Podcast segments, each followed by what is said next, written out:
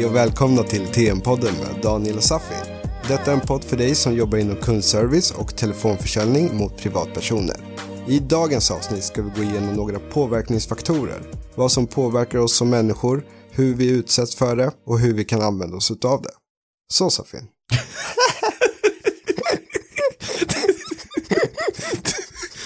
Så Safi. Passa detta. Ja, ja, passa över det. När vi är inom försäljning så inser vi snabbt att vi, vi kan påverka människor i vår omgivning. Och vi kan göra det medvetet. Eh, Så finns det grundläggande påverkningsfaktorer som vi som människor följer. En eh, påverkningsfaktor är just kändisar. Att eh, vi smittas av vad kändisar bär för kläder, vad de har för produkter, vad de bär för parfymer och det är inte utan anledning som de här kändisarna syns på de här stora reklampelarna eller YouTube-reklamen eller vad det kan vara. Nu har ju de här kändisarna från att vara de här världsstjärnorna är ju de här influencers. Mm. Är ju mer och mer att de har mycket följare så att även de påverkar oss och framförallt unga människor till att fatta köpbeslut och det här används medvetet. Men jag vet att du har något, eh, något exempel kring kända människor, eh, om det var Ralph Lauren eller var det Tommy Hilfiger? Ja, ett gammalt exempel från eh, Ralph Lauren. De skulle supporta, de ville att fler vita eh, båtmänniskor, skulle vita män specifikt då, skulle använda Ralph Laurens kläder. Så då skulle de gå in och sp- sponsra olympiska spelen, USAs lag. Så tog de fram en outfit. En klassisk outfit där det stod Ralph Lauren stort med årtal eh, på framsidan och det var då en båtjacka. Eh, och den här skulle då olympiska spelet teamet använda. Men istället blev det att Wu-Tang, eh, när de släppte en av sina första videos, hade den här jackan på sig. Eh, och den låten blev jättekänd, vilket gjorde att kidsen i Brooklyn och så ville ha exakt den här jackan. Eh, de hade inte ekonomi för det, men de snodde till sig den här jackan och den blev jättepoppis där istället. Eh, så det blev lite motverkt effekt mot vad de hade tänkt och planerat att det skulle slå. Eh, så då ville ju inte de här vita männen med båtarna använda det just för att det var kopplat just till de här svarta kidsen. Så där är det verkligen visar på hur en person kan påverka ett helt märke. Och då var det ju Tommy Hilfiger som ville under samma tid då, som ville bli av med sin rasiststämpel som den hade fått. Den var ju tidigare med i Oprah Winfrey Show. Där den uttalade sig om att eh, Tommy Hilfinger var för de vita landsmännen. Eh, vilket gjorde att försäljningen hos de svarta gick jättedåligt.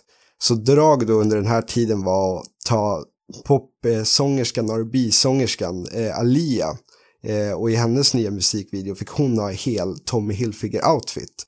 Eh, vilket gjorde att det fungerade och fler svarta började använda Tommy Hilfiger som märke. Och det här är ju jättelänge sedan, men att det så lätt påverkar oss. Och då är inte, fick ju inte videos lika stor spridning som det får idag heller.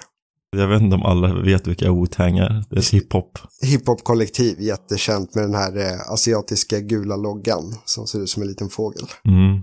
Och så har vi Alya, som är också en gammal referens. Ja, hon eh, jättekänd R&B-sångaren som dejtade DMX och dog i en flygkrasch. Ja, just det. Så var det. Det var 90-talet. Ja, exakt. Och sen att de här i Brooklyn inte hade pengar men de snodde till sig. Det var nice för dem. Och bara skicka med här. Det var snyggt Daniel. Nice. Det gillar vi. Det var, Jag läser bara från artikeln. ja exakt, det är rakt av. De hade inte råd så de snodde till sig. Det var inte de sparade till sig, det var bara de snodde. Ja, de snodde Hur skulle de annars kunna köpa? Ja, exakt. Ja. Men hur ska vi kunna använda oss av det här rent säljmässigt? Mm. Och det är kanske inte det enklaste, men det är, olika varumärken kopplar ihop sig till olika kändisar. Finns det möjlighet att prata om det så kan man ju alltid nämna det för att det, det bidrar till att kunderna känner sig mer okej med det här eh, köpet. Absolut. Men oftast kanske det är tryck eller digitalt som det här med kändisar är lättare att nå ut än att säga ja, nej, men vi har Zlatan använder de här skorna också. Och Mm. sen så på det sättet påverkar de. Men det finns andra faktorer som påverkar oss ännu, i ännu större utsträckning. Och det, det, en faktor är den stora massan. Mm.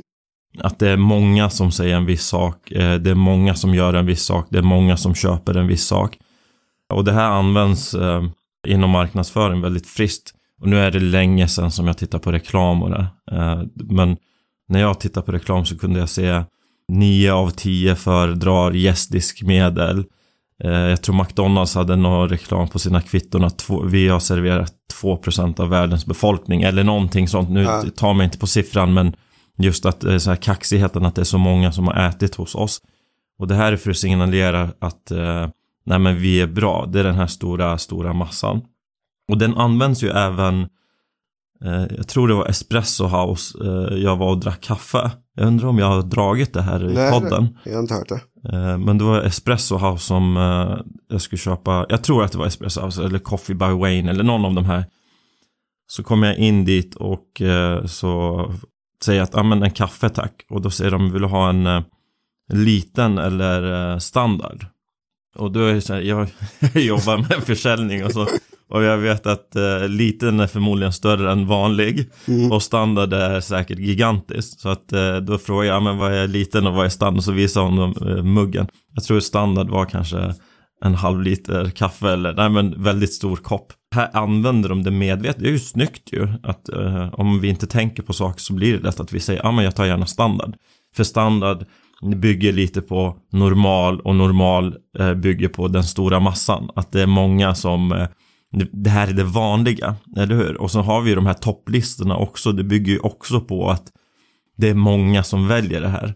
Och i parfymbutiker så är det, ja men det här är vår number one bästsäljande doft. Och då säger man att det är många som, som köper det här.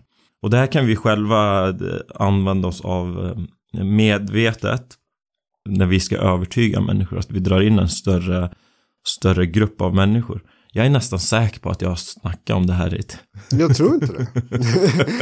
vi tänker inte gå igenom listan genom våra Nej. jo, men det har jag ju. Har inte jag dragit det med uh, när jag var i Grekland? Nej. Med, uh, vi var ett stort sällskap som var och uh, semestrade i Grekland på en av de här grekiska öarna och sen så skulle vi äta på en restaurang. Så vi gick där och det som ni vet så är det turistställen så är det 40 uteserveringar på en jätteliten yta och sen så valde vi ett av de här uteserveringarna och så satt vi oss där och drack och åt gott och hade en superfantastisk eh, kväll där. Så var vi nöjda och ville ta in notan och betala. Och när vi hade betalat så kommer servitören och säger Låt mig eh, bjuda er på något avec, någonting extra sådär. Och vi säger nej tack, vi är väldigt nöjda. Ja men det är, det är ingen fara, gratis. De eh, upptäckte ju att vi var svenskar och det var inte på mitt utseende de tog det på utan det var de andra i sällskapet. men, så nej men gratis, gratis. Så han envisades och så stod han fram och efter eller nej, vi sa faktiskt nej tack det är bra och vi var nöjda och så gick vi därifrån. Och då sa ju de andra i sällskapet att oh, gud, alltså så snäll, kolla hur fin och snäll, alltså de är så proffsiga över det. Och ja men absolut, eh, eh, det är snällt av dem, men det fanns ju en tanke bakom det här att eh, han ville bjuda för under den här tiden när vi var ungefär 15 personer som satt på den här uteserveringen och vi satt där några timmar så kom ju andra turister och såg, ja men vilket uteställe ska vi välja? Och då ser de ett uteställe där det är många som tjoar och kimmar och har jätteroligt och det är olika åldrar för det var olika generationer. Och då valde de den här uteserveringen så det drog till sig människor. Det var ju medvetet att de ville ha oss sitta kvar lite längre för att mm. det fick andra att komma dit. Och sen så är det även att eh, Eh, han bjöd på det här så skulle vi vara kvar på den ön så skulle vi förmodligen vilja gå tillbaka dit för att då hade vi tagit emot eh, det här att den här snälla killen bjöd på, på dricka där. Men det visar på hur den här stora massan, eh, hur det påverkar oss. Och det här kan ni ju testa det själva. Alltså en utmaning till er. Samla ihop ett gäng tio personer, säg tio personer och så ställer ni er på på en uh, gata där det är mycket människor som går och så tittar ni upp i luften och stirrar. Pekar upp så ska ni se att uh, omgivningen är där och tittar och ju fler ni är desto desto större är benägenheten till att de i omgivningen stannar upp och till och med frågar er oj ursäkta vad är det ni tittar på? Mm. Och vill ni dra det steget längre så kan ni säga att ah, men det, det är meteorfall. Och då är det vissa i omgivningen beroende på hur många ni är som kommer titta riktigt noga och helt plötsligt så säger de ja, ja, ja, ja, men ja, fan. Jag tror jag ser det. Men kör, kör du, du har kanske något... Nej men jag tänkte fråga, är det därför de drar så lång tid med notan också? Medvetet utomlands? För att fler folk ska sitta och vänta? Nu säger jag inte att det garanterat är så, men jag tittar ju mycket ur säljperspektiv. Ja, Är det här i Stockholm så kommer det ju med notan att det, det är så högt tryck att det, då, då, då ska de ha två eller tre sittningar per kväll och då får du två och en halv timme till tre timmar kanske. Så de dröjer ju inte med notan, de kommer till och med notan när du håller på att äta efterrätt om man äter efterrätt. Ja. Men utomlands när det är så himla stort utbud och de inte har eh, så högt tryck och att det är så många uteservering så absolut, jag vill tro att de gör det. Ja. Att eh, de dröjer med det, de bjuder på någonting. Nå utöver att är vi många så, så vill de gärna att vi ska sitta kvar för det är ju en signal och om vi tänker efter att eh, oavsett vilken stad ni bor i går ni förbi eh, någon restaurang där det är 70 platser och sen så är det ett pensionärspar som sitter där och äter. Det är inte direkt att vår första slutsats blir att aha, det här måste vara superhippt och superbra och superbra matställe. Utan vi tänker förmodligen att det är inte så bra matställe. Men går vi däremot förbi en restaurang där det är fullsatt. Ja men helt plötsligt så tycker vi att oj, oj det här verkar ju vara schysst, eh, schysst ställe och så kanske vi tittar in, ah finns det möjlighet att få någon bord och sånt? Så det används medvetet och det här används ju även medvetet i krogmiljöer. För er som har rört er på Stureplan så ser ni att det är vissa ställen så är det alltid köbildning och det här är ju medvetet. Det är inte så att de inte kan släppa in alla. nej. De skulle kunna släppa in alla, men det är bara att har vi tillräckligt stort antal så skickar vi signalen att det är här ni vill vara. Ser bra ut helt enkelt. Om jag får välja mellan två uteställen och jag vet inte vad det är för uteställen och jag vill träffa folk och ha kul. Mm. Och jag ser ställe A där det är en dörrvakt Mm. och sen, eller entrévärd. Och ställe B där det är en entrévärd och så är det 15 som står och köar. Då skulle jag gå till ställe B. Mm. Sen även om ställe A, det är det mest hippa, att det är 500 personer där inne, men signalen som vi kodar om och gör det enkelt, för, för vi gör ju inte alltid vår research. Vi, vi måste ta de här genvägarna, vi kan inte gå in och gå igenom att, aha, men det här stället, vem är den nya ägaren och vad har de för typ av musik och hur, hur många brukar det vara, vilka tider är det som mest människor och sånt, utan vi går på de här signalerna som finns och kör det rent automatiskt. Det är lite som det här med om vi får välja mellan två tv-apparater och har ingen koll om tv-apparater och så är det en som kostar 50 000 och en som kostar 10 så drar vi en slutsats i våra skallar ganska snabbt att den för 50 000 är bättre, Exakt. bättre kvalitet och det här används ju medvetet inom marknadsföring. Men det är också mycket de här bäst i test-loggorna som kommer upp. Ja, För det är, nu finns det ju hur många kvalitetsstämplar som helst också. Ja. Så man vet ju inte vilken som är vilken. Men så länge man ser att det står så här bäst i test, då kollar man ju lite extra på den oavsett. ja, Så det har ju verkligen med det. Och eh, med, med kändisar också så har det väl att det ska vara en coolhetsfaktor.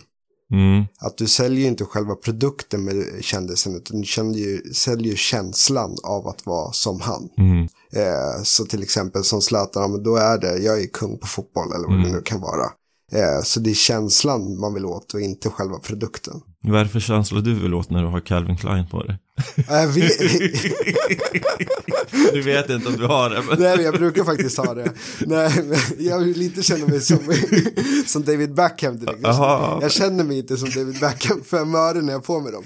Men eh, jag vet inte, matchar väl snyggt eller jag, jag vet inte.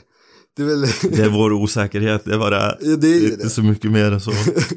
Det- men det funkar ju, det är det. Och vi ska inte underskatta den här effekten. Jag hade en kollega i Göteborg, vi var ungefär tio coacher som var ute och åt en gång i veckan. Och vi hamnade, jag tror aldrig på samma matställe, för tio starka viljor och vi skulle ut och äta lunch. Så kom hon en, eh, en fredag och kom och sa till mig att, ja men kom igen Safin, vi går och äter på El Diablo tror jag det här pastastället hette. Och så la hon även till att eh, alla andra ska dit. Och då tänkte jag bara, ja men jag är inte den som är den, klart jag hänger på. Och hon gick och sa samma sak till alla i gruppen.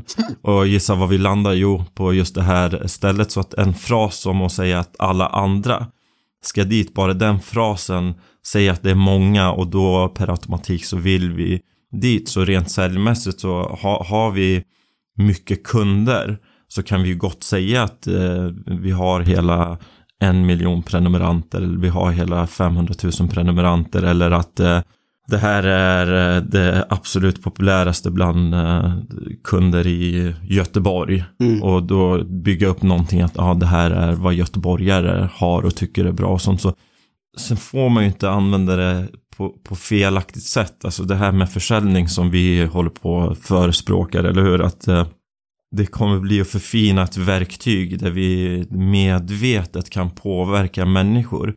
Och jag hoppas att eh, det här verktyget som ni förfinar ska inte användas till att manipulera. För det, det kan man ju göra, eller hur? För att mm. det är ändå lär dig principer som påverkar människor och då kan man ju medvetet få människor att göra dåliga saker eller få människor att göra bra saker och förhoppningen är ju att, att vi ska använda det på ett bra sätt. Mm. Så det är mest att finns det sådana möjligheter, finns det här utrymme under samtalen eller när man tar emot samtal att vi kan inkludera en större grupp för att påverka, då gör vi det. Men finns det inte så kan inte jag säga att ah, vi har 20 miljoner kunder när det inte finns, för då blir det ju felaktigt. Mm. Att eh, man säger, då är det bättre att ah, det är väldigt populärt bland våra kunder.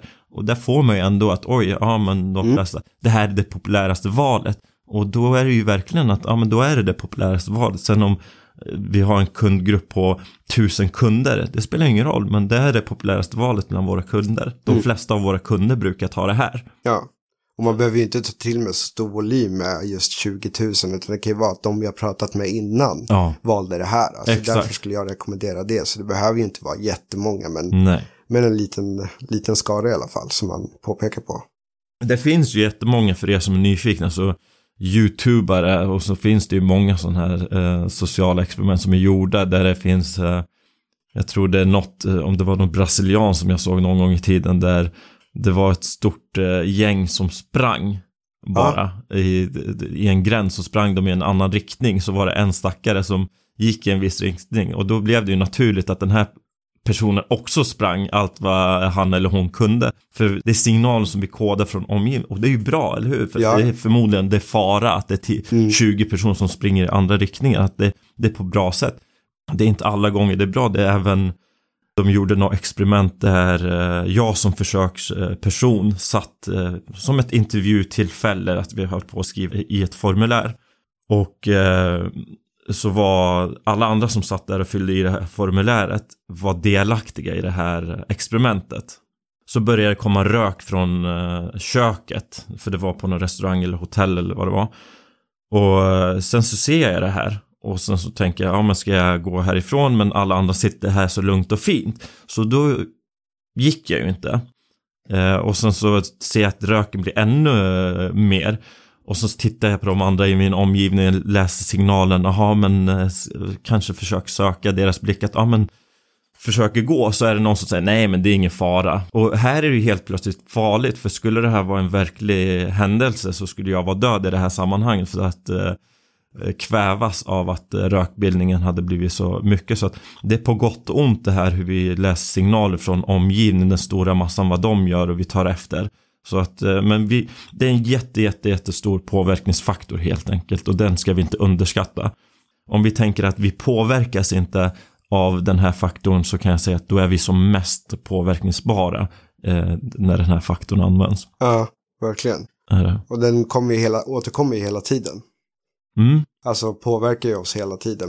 Vi reflekterar ju inte ens över det. Nej, det blir ju normen att vi får eh, ta till oss. Vi ser hur klädstilen utvecklas. Att nu är 90-talsstilen tillbaka. Och titta på ungdomar i dagens läge så är det väldigt mycket 90-tal. Att det är fler och fler som använder så känns det ju helt naturligt. Mm. Och skulle vi ta en fem år tillbaka i tiden och någon skulle gå och bära någon 90-talsgrej då är det bara han det här.